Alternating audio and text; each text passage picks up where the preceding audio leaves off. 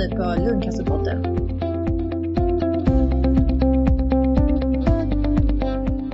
Gott nytt år lyssnare och välkomna till ett nytt år med Lungcancerpodden. Som utlovat kommer nu ett hyllningsprogram om Fredrik Johansson, skapare av Lungcancerpodden, som gick bort 16 november 2022. Vi hade ett sånt här avsnitt när Jan Fränkel gick bort för två år sedan så tyvärr började det bli en vana. Men vi vill inte glömma bort dessa förebilder och ivriga företrädare för att hjälpa sina medpatienter till bästa vård, senaste forskning och att belysa att man inte är ensam om att ha fått lungcancer.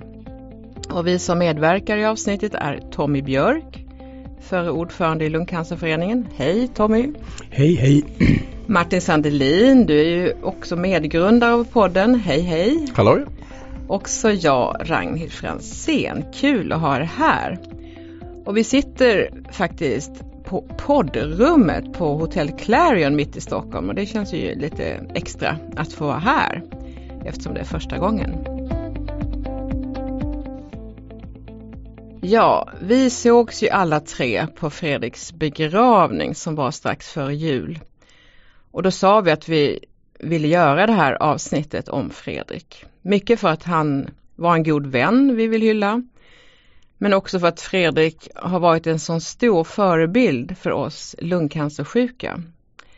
Och det var så sorgligt att ta farväl av honom där i kyrkan och se hela hans familj sörja en älskad make, pappa, son och bror. Men jag kände ju ändå att Fredrik var i högsta grad närvarande, tyckte inte ni det?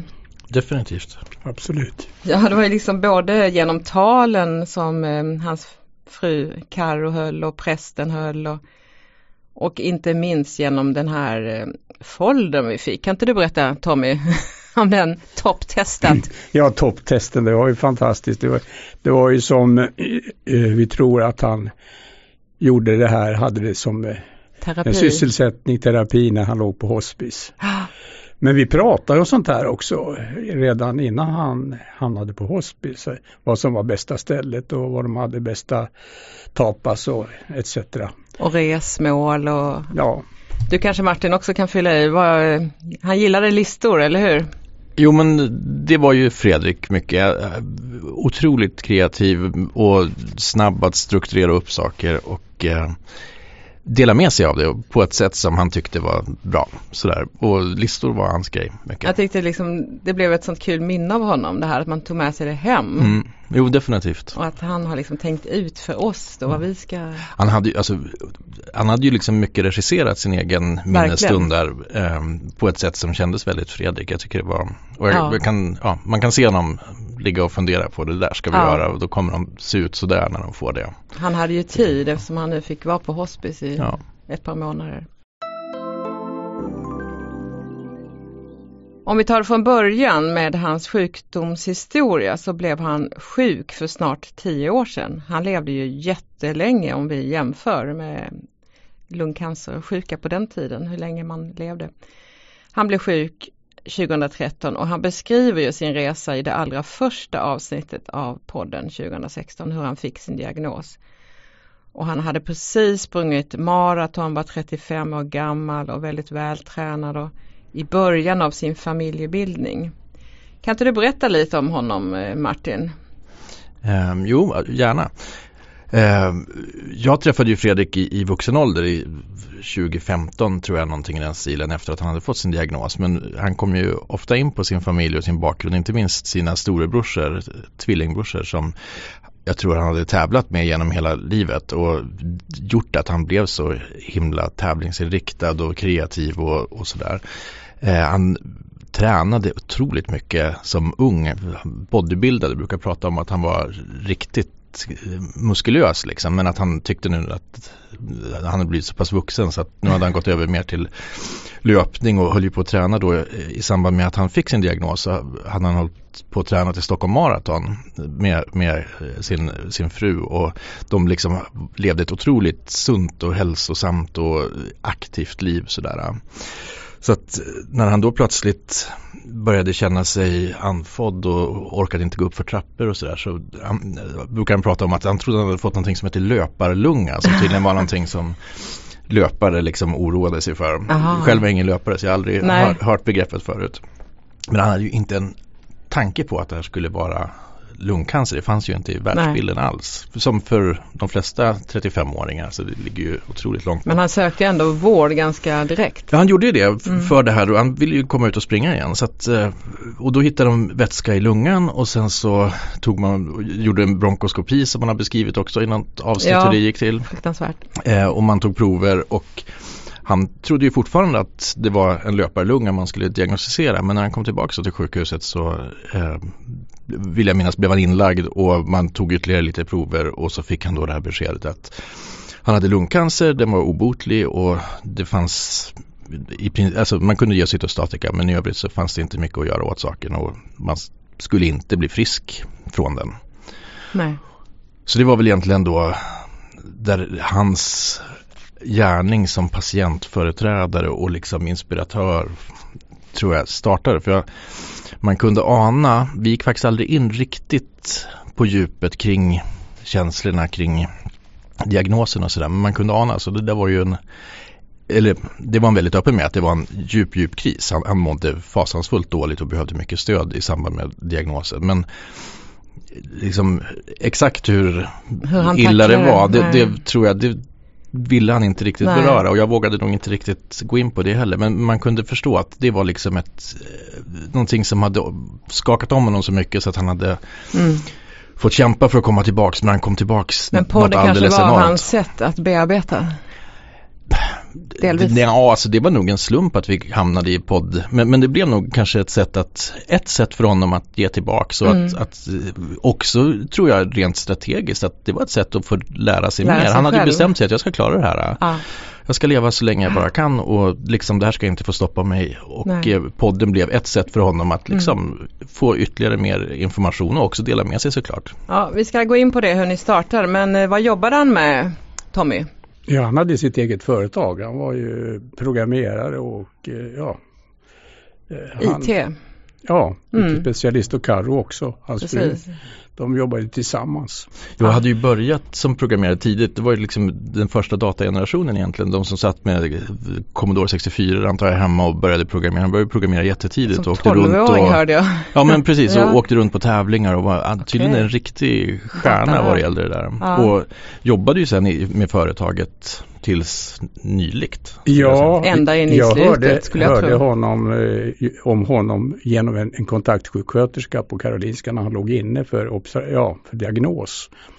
Att han hade sett skyltar om Lungcancerföreningen ute ja, väntrummet. Och, och så gick han in och tittade och såg att hem, hemsidan såg bedrövlig ut, var gammalmodig. Så han låg där på salen och gjorde en ny hemsida sånt där som skulle ha tagit en, en firma Ja. veckor. Och Otroligt. det kom ingen räkning heller. Så Nej. att, eh, Fantastiskt. och då, jag tycker det var fantastiskt så jag skulle tacka honom på det viset. Han hörde av sig och ville träffas. Och då träffades vi på Vetekatten. Och då kom han och hans fru och jag kunde inte uppfatta honom som sjuk. Han, han strålar energi faktiskt och eh, det är någonting som jag minns hela tiden från, från Fredrik. Att han hade som positiv Han var alltid glad, Ja. i alla fall mitt minnesbild. Ja, ja precis. Jag kunde ring, vi kunde ringa och prata om vad som helst. Men när jag var på luren så tänkte jag, vad jag mår bra när jag pratar med Fredrik. Man Jo, blir men, och det där, glad ja, själv. Ja, men bara som att en reflektion där som jag också ofta hade var att när vi spelade in poddarna tillsammans så var, gjorde vi det ofta efter att jag hade jobbat och, och liksom första frågan när man hör sig ju att liksom, ja hur är läget så här, så jag lite så här, åh gud, ja det är väl sådär om man ska vara helt ärlig, jag håller på att storkna här, det är så jobbigt och man är så matt liksom och barnen bla bla bla bla. Och hur är läget själv då? Jo då fast jag fick sytto igår så jag mår skitbra. Han gick som en Ja men så man fick, bara- som att han satte på något sätt en ny referenspunkt på liksom hur man kan se på livet och Som sjuk. Ja men som, Mm, ja, som svårt ja, sjuk också. Ja. Men eh, som vän Tommy fick du ju också följa då Fredrik sen hur hans cancer gick upp och ner. Och han fick progression flera gånger. Men han var alltid i fronten med nya behandlingar som vi andra knappt hört talas om. Och mycket tack vare det här stora intresset han hade att han skulle liksom eh, knäcka koden nästan för lungcancer. Ja, det, det, det, det håller jag med om och ja, han hade ju redan tidigt konstaterat att han hade en speciell mutation. Eh, som var, eh, han hade ju adenokarcinom. Och han hade en mutation som hette EGFR. Och bara ett år efter han, han hade fått diagnosen så, så hade de en tjock bok som han och Karo fyllde på hela tiden. Med alla undersökningar som fanns, alla studier i USA speciellt. Då. Det de visste allt om vad som hände inom, på EGFR-fronten. Nya eh, företag som hade, eh, vad heter det, de hade nya mediciner på gång. Ja, så han kände visste- till allt. Ja. Mer än läkarna nästan. Ja, du vet säga när Martin Jo, nej, men, sitter. äh, det, han var ju en sån patient som verkligen höll sina läkare liksom på tårna. Det är jag fullständigt övertygad om. Att, att eh, han kunde väl så mycket som Ja. Majoriteten av, av läkare. För att, Ja. och med, med all rätt va? Han var expert på sin egen Han var sjukdom. expert på sin egen sjukdom, Ja. definitivt. Men han hade ett stort förtroende tror jag för sina Definitivt, läkare. definitivt. Både Ja. de första och sen så småningom när han fick sin, ja som följde honom hela vägen. Ja. Men att han var som specialist på sin sjukdom, det kanske var också det här att han eh, han var entreprenör, han var van och han kunde programmera. Han, han visste liksom hur man letade information och eh, inte bara i Sverige då utan han, han hade ett stort intresse av det här helt enkelt. Och, Jag tror att det är mycket också, alltså man hanterar en sån här situation på olika sätt. Vissa slår ifrån sig, vissa vill, litar helt och hållet på läkarna. Vissa känner att det här är någonting jag måste ha, skapa så mycket kontroll i en situation som på många sätt är, man, menar, man saknar kontroll och då Ja, försöker man skaffa den här kontrollen på olika Mm. sätt. Jag tror att han var en sån som skapade kontroll genom att veta allt och veta att han, att han, man gjorde rätt. Att han har gjort allt. Ja. Men känner ni till vilka behandlingar han fick? Han eh, fick ju rätt många vad jag förstår. Ja, Eh, Martin eller vem som vill. ja han hade väl sin nio, nionde linjen tror jag när han Ja. låg på hospice. Ja det kan jag tänka mig, åtminstone. Han, han, han förde ju liksom i princip dagbok Eh, som man har delat med sig till eh, liksom de som kan tänkas vara intresserade. Vilka behandlingar, vilka datum eh, etc. Eh, och den här eh, listan då som det blev som eh, över åren blev, alltså, ja, det är ju som en, en, en lärobok kring utvecklingen av lungcancerområdet. Eh, alltså otroligt fascinerande. Han, han hade väl i princip alla behandlingar som finns på en, det ena eller andra sättet. Sådär. Och olika kombinationer också. Ja, definitivt, ja. Jo, det var, Och Den- gick tillbaks ibland till tidigare behandlingar. så var det, precis. Mm. Eh, var han med i någon studie? Det var han. Mm. också. Och det tror jag, han var ju väldigt öppen, han, det sökte han ju alltid efter. Alltså just det här, han såg ju varje behandling som en brygga till en studie eller Mm. det här att han visste ju att sannolikt så kommer man någonstans att, återfalla i sjukdomen. Men nu gäller det att liksom krama ur det mesta ur den behandling man är på och sen så under den tiden så med den intensiva forskning som pågår så, så var han övertygad och hade rätt i många gånger, i många, mycket av det också att, att det kom någonting nytt, något, något nytt rön man kunde testa och liksom sådär. Så att eh, ja, nej men han, han hade många behandlingar så kan man säga. Ja, nej, men eh, man, han kunde ju tyckas uträknad ibland men sen stod han alltid upp på nio Mm, liksom. mm. Han var alltid tillbaks i fighten och ja, han var verkligen en förebild för oss Mm. patienter. Men Martin, du var ju läkare och jobbade med lungcancer på onkologen i Uppsala på den tiden när ni startade. Hur träffades ni? Eh, vi träffades genom att eh, Fredrik hade läst att man bör vara väldigt noggrann med att titta på alla typer av genetiska förändringar och sådär. Han, han hade önskat ett, ett ganska extensivt genetiskt test av sina läkare. Och det fanns inte uppsatt på den tiden på det sjukhus han gick utan då så eh, tog han kontakt med mig som han visste, han hade fått tips om att vi var väldigt aktiva i Uppsala på den tiden. Det Och- gällde blodprov va? Ja, just då, det var nog ett, ett test på, på tumörmaterial men, men även, man kan ju även använda blodprov eh, för att få de, de här Ja, resultaten för just det, just det vet jag det diskuterar jag mycket med honom. Just det. Ja, jo, men, det, det, det, var också sån här som, alltså, som sagt återigen, han, han, han följde med utvecklingen och liksom låg i framkant hela tiden för att få de test som, som kunde potentiellt ge en ny möjlighet till, till en behandling. Men eh, och jag, vi sa då i Uppsala att jo men det är klart att vi kan, om, om vi får tillgång till tumörmaterial då så, så kan vi göra det här testet och, eh, ge en utökad bild av hur liksom den här tumören eh, kan tänkas fungera. Men då i samband med att vi sa att vi kunde göra det så, så gick eh, det sjukhuset han gick på med på att göra det här också, eller de satte upp den här metoden i samband med det. Men, men då så hade jag och Fredrik pratat en hel del och vi, liksom så fort man började prata med Fredrik så ja, det, det höll man ju på i, i någon timme sådär och sen så hade vi insett då att vi är ungefär samma ålder, eh, vi har liknande uppväxt på många sätt, liksom liknande situation i livet. Men den här stora skillnaden att vi satt på varsin sida av bordet på något sätt i, i på onkologen. Att han var patient, jag var läkare. Eh, och eh, det fanns en sån oerhört spännande dynamik däremellan. Och jag kände direkt att liksom man fick en tillgång på något sätt till hans, han delade med sig så mycket av sina tankar, känslor och så här, och jag lärde mig enormt mycket på det här första samtalet vi hade.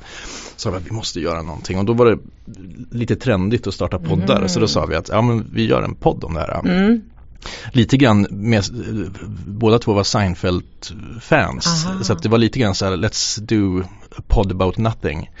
eh, som är en klassisk eh, Seinfeld-referens. Okay. Och sen så la vi till då också lite lungcancer. eh, och det var liksom tanken att det ska vara en podd om självklart lungcancer men också mm.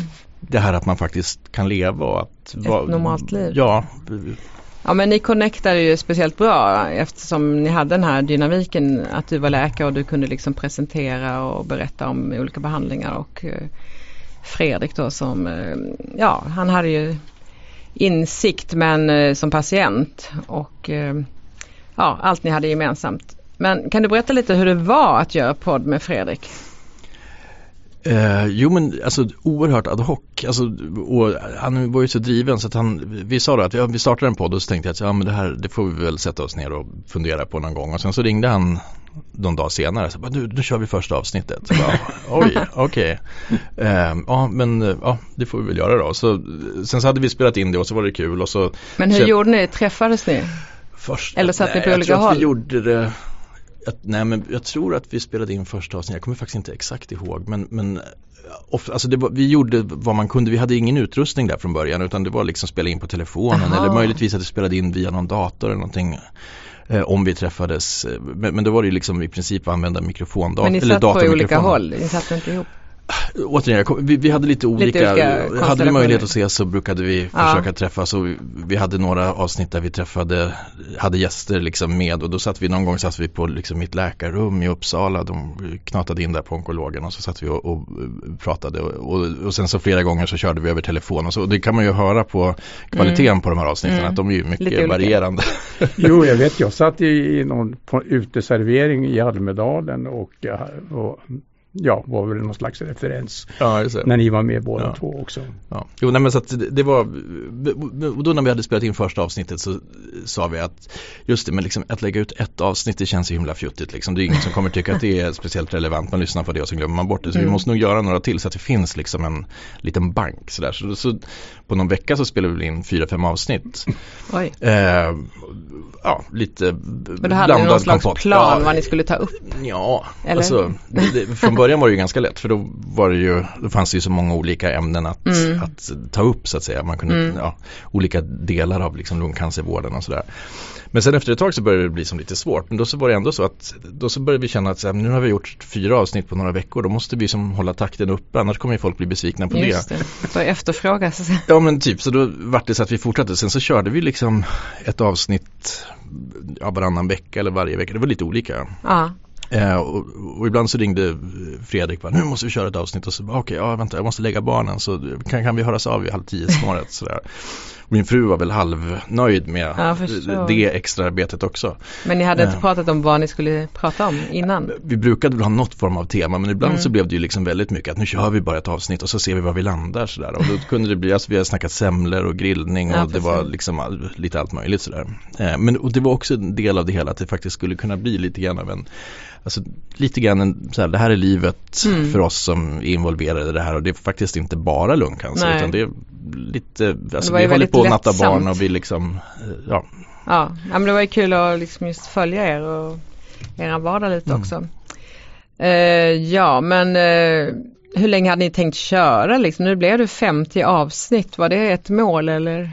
Ehm, nej, det var det inte. Eller alltså, vi hade nog ingen plan där heller riktigt. Utan jag ska väl vara ärlig och när jag gick in i det där projektet så det, det var ju fortfarande i en period när, när eh, tid, alltså den förväntade överlevnaden för en lungcancerpatient den var inte speciellt lång. Så jag tänkte väl att det fanns ett naturligt slut som Okej. kanske eh, delvis hängde ihop med, med Fredriks sjukdom så att säga. Ehm, men eh, det visade sig ganska snart att han, han är ju världens eh, liksom, Segaste. Ja men han, han det här liksom, det kommer ju inte vara det som tar, gör att vi slutar på podden utan vi fortsatte och sen så Eh, vart det väl efter två år eller ett och ett halvt år eller någonting i den stilen att vi började känna att liksom, nu går det kanske lite väl mycket på rundgång. Alltså liksom dela med sig av någon grillrecept för fjärde gången kanske liksom publiken börjar tycka att vi blir lite Ni börjar torftiga. tröttna på er själva? Ja och sen så var det dessutom så att jag skulle börja då, jag bytte jobb från eh, sjukhuset, började jobba inom industrin, jag jobbar nu då på AstraZeneca som, som eh, ja, medicinsk eh, sakkunnig eller vad man ska säga. Eh, och eh, i samband med det då så kändes det inte heller rätt att fortsätta med en podd, eller jag kunde nog inte heller om jag ska vara ärlig. Men eh, för jag, hela poängen var att vi var helt obundna innan. Jag, vi hade liksom inga ekonomiska sponsringar någonstans ifrån. Vi var liksom helt och hållet fria att prata om precis vad vi ville. Det var ingen som hade några intressen i det annat än publiken då som förhoppningsvis tyckte att det vi sa var relevant och kändes ärligt. Så att i samband med det då så sa vi att nej men nu får vi hoppa av där och det tror jag Fredrik var ganska nöjd med också Mm. för att han var ju en sån som ju han, kört.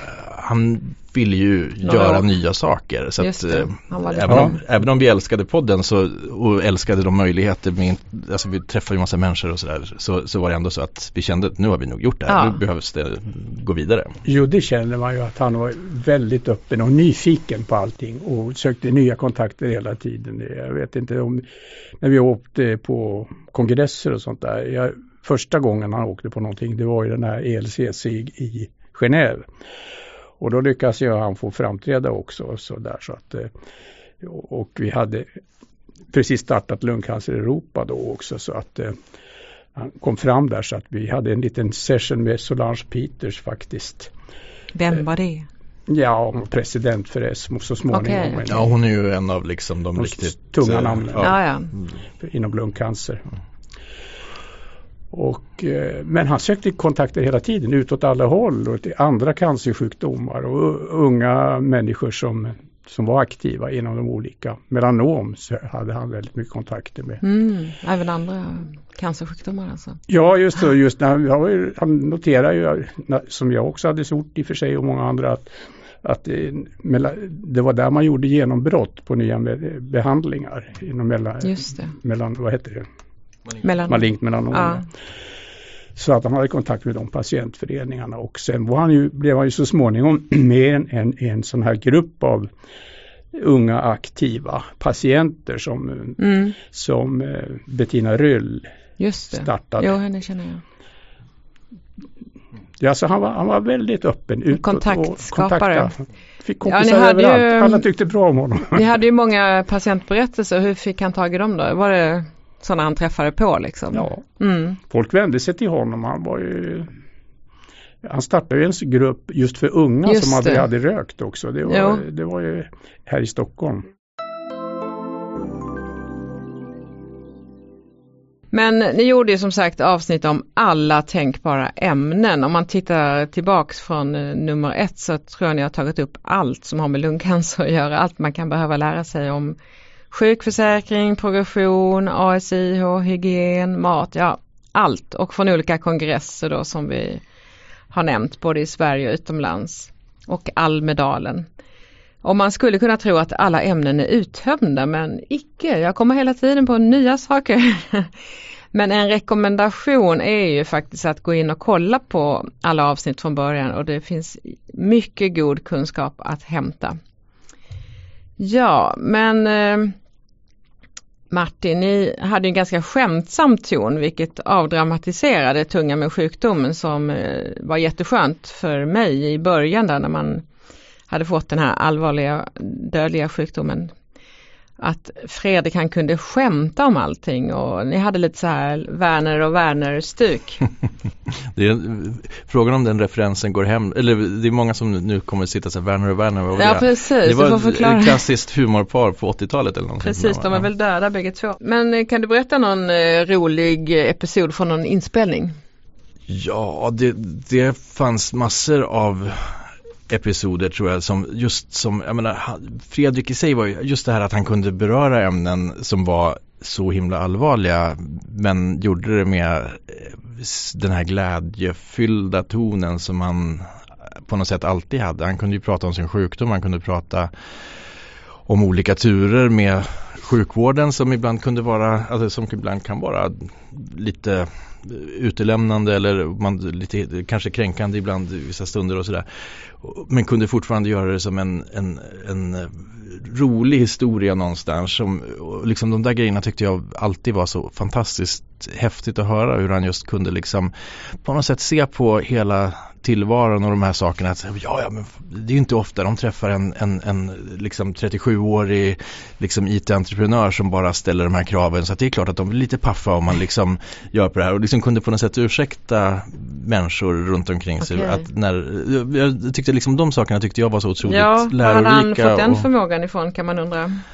Ja, nej, den, var från den var inbyggd på Ja. något sätt och som sagt var oerhört lärorik för mig som kanske lite Eh, grann ser saker halv, glaset halvtomt någonstans. Eh, och, och man liksom åh, suck, klagar och tänker att ja men jag ska jag får väl kneta på nu och sen så eh, om något år så kanske man kan göra ditten eller datten. Så här. och Fredrik var bara så här, skjut inte upp saker för tusan haka lev liksom, se till och det var alltid den där känslan och det, och det tog jag verkligen till mig för jag insåg att här sitter den här eh, snubben som har då den här eh, cancerdiagnosen, domen på sätt och vis hängande över sig och liksom lever. Eh, och här sitter jag och gnäller och Ja. tänker att jag ska göra saker när jag blir äldre eller när barnen har blivit stora. Så, här, Nej, för fasen, gör saker nu. Så det, det, Men var han sån hela tiden eller Ja, du pratade i början om att han inte visar Ja. så mycket hur Nej, han men jag tacklar. uppfattar honom som att det var verkligen Fredrik. Det var han. Sen så tror jag att han snarare då att han blev lite grann, och det man kunde ana att han blev lite chockad av att han kunde bli så tagen av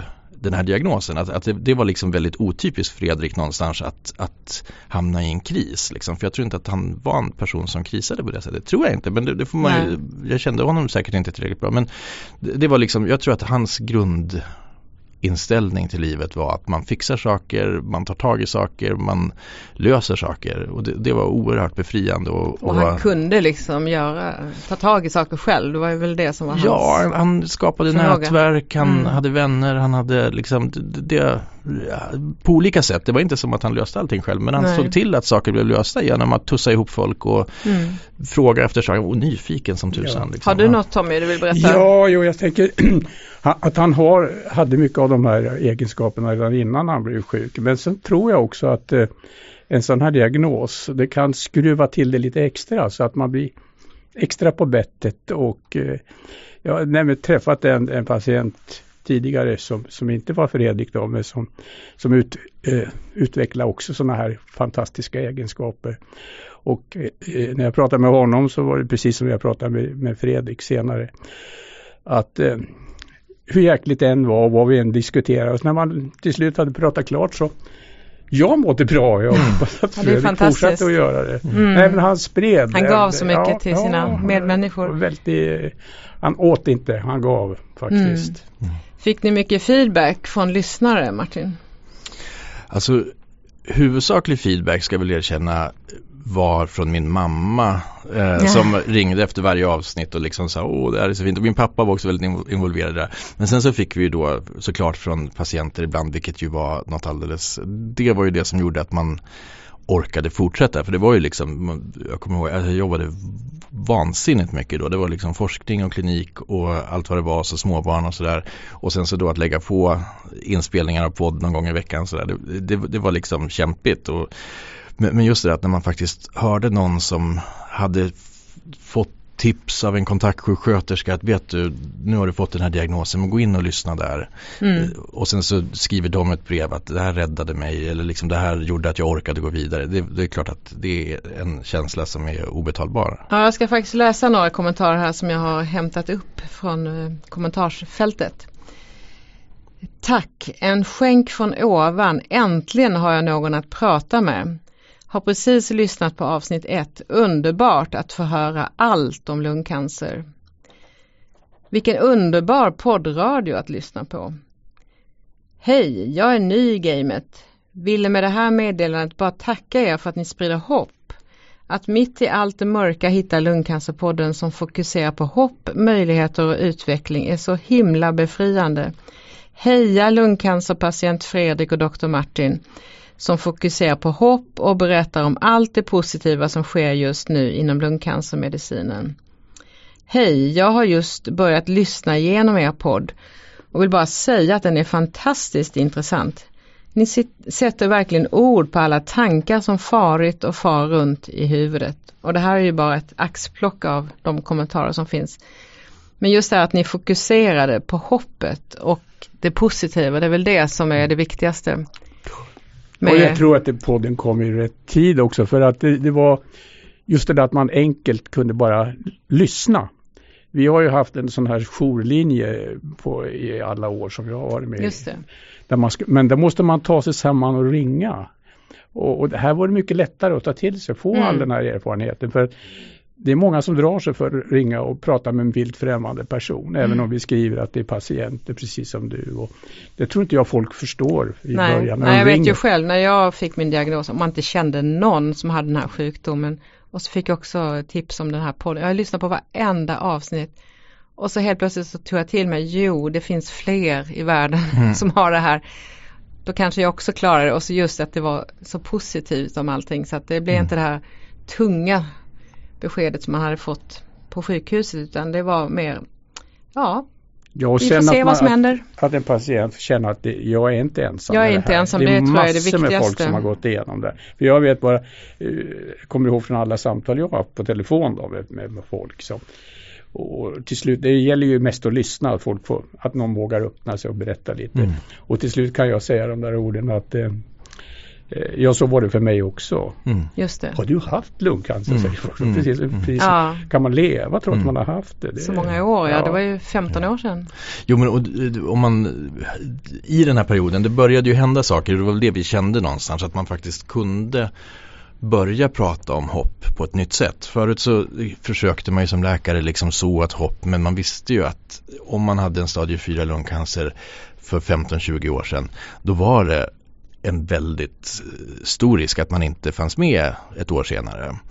Eh, men, men i och med då den utveckling som vi såg på horisonten och så vidare så, så visste vi så här att, och det var ju liksom någonting jag tror vi återkom till ganska ofta, att det här att för tio år sedan så träffade man flera patienter som likt Fredrik då hade fått höra så här att ja men det här är obotligt, du kommer förmodligen inte finnas med här om ett år eller två. Eh, men att vi, vi, kände då väldigt tydligt att om tio år så kommer vi kunna sitta och liksom träffa flera sådana patienter som fortfarande är i liv och lever ett bra liv så att säga som hade hört tio år sedan att de inte skulle vara vid liv mer än ett eller två år. Mm. Och det är ju liksom det hoppet som vi försökte förmedla och just att det fanns inte inom lungcancer riktigt då. Utan då var det fortfarande i samhället känslan att var det så att man sa att jag har blivit diagnostiserad med lungcancer då vände sig på, folk bort och, ja. och liksom ja. oj så jäklar. Och liksom bara att få in den känslan att det faktiskt i samhället att man kan förstå lite grann som bröstcancer eller vad som helst att säga okej okay, men du har bröstcancer härligt kom så går vi på det, eller härligt kanske man inte ska säga men tack för att du det delar med dig men kom så går vi och gör det vi ska liksom gå på teatern eller vad vi ska göra. Mm. Liksom, det är inte som att man Ge inte upp liksom nästan inte står ut med tanken på att Nej. den här personen har det så svårt. Liksom. Så Nej, det är otroligt att man får vara med, säger mm. jag då. Ja, cancer är ju några ord. Ja, men... Eller vi sa ju kräfta när jag mm. växte upp. Ja. Det sa, han har fått kräftan sa mm. man om en släkting som och då var det mm. kört med. Så då bytte man till cancer då. För att, mm. för att ja. kräfta var ett några ord. Nej, men jag tror att det är otroligt viktigt just den inställning som finns i samhället. Det har ju ändrats kring sjukdomar Man känner att man får ju fortfarande liksom berätta för folk att eh, det går att Mm. göra saker och jag kan faktiskt jobba och jag kan göra si och så. Folk tror ju inte det liksom. Nej men det är en process och Ja. det tror jag är viktigt och det var väl det vi kände också att vi måste nu börja sprida det här för Mm. att faktiskt underlätta för folk att leva i en normal vardag Precis. med den här sjukdomen för att det var svårt för tio år sedan. Mm. Ja, nej men jag vill också eh, belysa Fredriks stora hjälpsamhet vad gäller podden för mig. Jag tog över 2019 och var inte speciellt intresserad av teknik bakom eh, poddskapandet utan jag struntade helt enkelt i det. Jag bara körde på med viss hjälp då av min tekniker. Men jag fick hjälp av Fredrik många gånger kan jag berätta. Jag bara skickade iväg ett sms och så var problemet löst några timmar senare. Men när jag fick reda på att Fredrik låg på hospice då kände jag mig lite besvärad att be honom om hjälp. Jag visste inte hur sjuk han var men jag hade ju hört att han hade förlorat många funktioner som syn, hörsel och att han satt i rullstol. Men så var det ett tillfälle när podden låg nere och jag hade ingen aning hur jag skulle fixa det. Jag visste inte vem jag skulle be om hjälp. Och då skrev jag ett sms till Fredrik men trodde inte att han skulle kunna hjälpa mig så jag började chatta med en snubbe i England som fanns på vår servicesida. Och plötsligt när jag håller på att prata med honom så ser jag att podden börjar fungera igen på hemsidan. Och så får jag ett sms från Fredrik att han har fixat 14 uppdateringar och lite buggar. Så att allting funkar och jag blir djuplättad, så tacksam. Men så skrev han i ett sms att jag nog måste se mig om efter en annan tekniker om jag inte skulle få tag i honom nästa gång.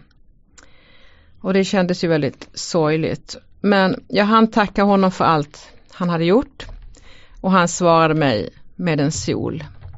Och sen när jag skrev nästa gång så var han redan borta. Ja, då kommer vi till slutet här. När träffade ni Fredrik sista gången? Träffa, det var i Vitabergsparken I somras? eh, på, på våren. Mm. Och då hade han sin hund med sig. Sen var det på telefon då förstås. Flera gånger. Och det kan jag inte peka ut just nu faktiskt. Nej. Han du säga farväl? Det var inte Nej, läge? jag var skyldig Nej. honom en lunch. Så. Men det blev aldrig av. Nej. Så vi fick, jag fick en inbjudan, jag och Karin i föreningen att vi skulle få komma och hälsa på honom på Ersta. Men han var tvungen några dagar senare att eh, avstyra den, skjuta det på framtiden. Så vi får väl mötas med lång, långsida vita rockar allihopa. Eller, andra sidan. eller skotta kol kanske. Ovan där. Vad säger du Martin? När Eh, Pratade med jag, honom? jag träffade Fredrik sista gången Eh, på Ersta hospice när jag kom förbi. Vi hade eh, smsat lite grann eh, och, och sagt att vi skulle träffas. Och, eh, jag sa att jag skulle komma ner då från, jag bor i Uppsala. Och frågade om man ville ha någonting. Jag insåg att det var, eftersom man hade jobbigt att äta och sådär så så sa jag att liksom fika är väl kanske inte aktuellt men kanske någon bra serietidning. Ja, en serietidning vore kanon. Eh, på sms då. Eh, och så började jag fundera, vad ger man en serietidning liksom till en kille som ligger i den här situationen. Fantomen. Ja men det var lite grann så. så här, han liksom, ja men 91 vore bra, jag behöver något lättsmält liksom. Så här, jag, vill inte, jag vill kunna liksom. Så då så knatade jag ner på, vi har en jättebra serietidningsaffär i Uppsala som jag brukar frekventera ibland. Och, och där lyckades jag få loss en enorm hög med Ernie. Eh, som lite begagnade, så här, vältummade exemplar. Plus att jag köpte någon till eh, seriebok där. Jag vet inte om de sen kom till användning. Men hur som helst så skulle jag få åka ner och lämna över det här och, och sitta och snacka lite grann. Men då så fick jag också ett sms några timmar innan. Att, ah, du, jag har förhinder och så tre solar och en liten glad gubbe sådär. Eh, vi kan väl kanske höras en annan gång. Men då så satt jag i princip förbi det. tänkte, liksom, fan, jag svänger förbi där ändå och liksom kan ju lämna över det där i receptionen. Men då så eh, gick sköterskan in och kollade om, om Fredrik tog emot så det, och det gjorde han. Mm. Så det var, då eh, satt vi där och pratade och eh, det var ju liksom, alltså det var Fredrik men en spillra såklart. Han hade verkligen kramat all kraft. Ja. Ja, det är ja. sorgligt det hela och jag tänker Ja. speciellt också på Fredriks son Milou Mm. som nu blivit sju år gammal och eh, som nyligen förlorat sin pappa. Och han har ju varit med om sin pappas sjukdom ända från början i sitt lilla korta liv. Och fått uppleva att det gått upp och ner och även om jag vet att de har haft många glada dagar. Och Milou var ju verkligen eh, Fredriks stolthet Mm. och stora glädje i Mm. livet. Men ingen ska behöva förlora sin förälder så ung. Mm. Men eh, ja, jag har tänkt att göra ett avsnitt av podden så småningom om hur det är att vara barn till en svårt sjuk förälder. Och att förlora den personen. Och om du som lyssnar vill vara patienthistoria och berätta din historia. Eller har förslag på något ämne vi kan ta upp så mejla mig på fransen med z snabel fartreklam.se och glöm inte kommentera dagens avsnitt på lungcancerpodden.se och du kan också gärna gilla oss på vår Facebook-sida Lungcancerpodden. Så till sist, har ni något sista ord ni vill lämna lyssnaren med, Tommy och Martin? Vad skulle Fredrik ha sagt nu? Ja, han skulle ju liksom tycka att vi var lite dystra. Får muntra upp oss lite. ja, men typ att kom nu fan, nu tar vi, käkar en bulle och lite kaffe och så eh, lever vi. Så. Ja, det, det var lite ja, stenmark eller det bara åk. Liksom, han körde på, Mm. på, på mot lösningen på något sätt. Fastna inte. Ja, det men, men, som att han fixade till det där med buggarna trots att han var så pass dålig som han var när vi vände Mm. det till honom. Ja. Det var så hela tiden liksom. Det, han såg inga hinder. Jag såg, Ja. Han hittade ge- genvägar också fortfarande. Så att, Ja, han eh, dog med flaggan i topp eller trots sin stora sjukdom och umbäranden i livet.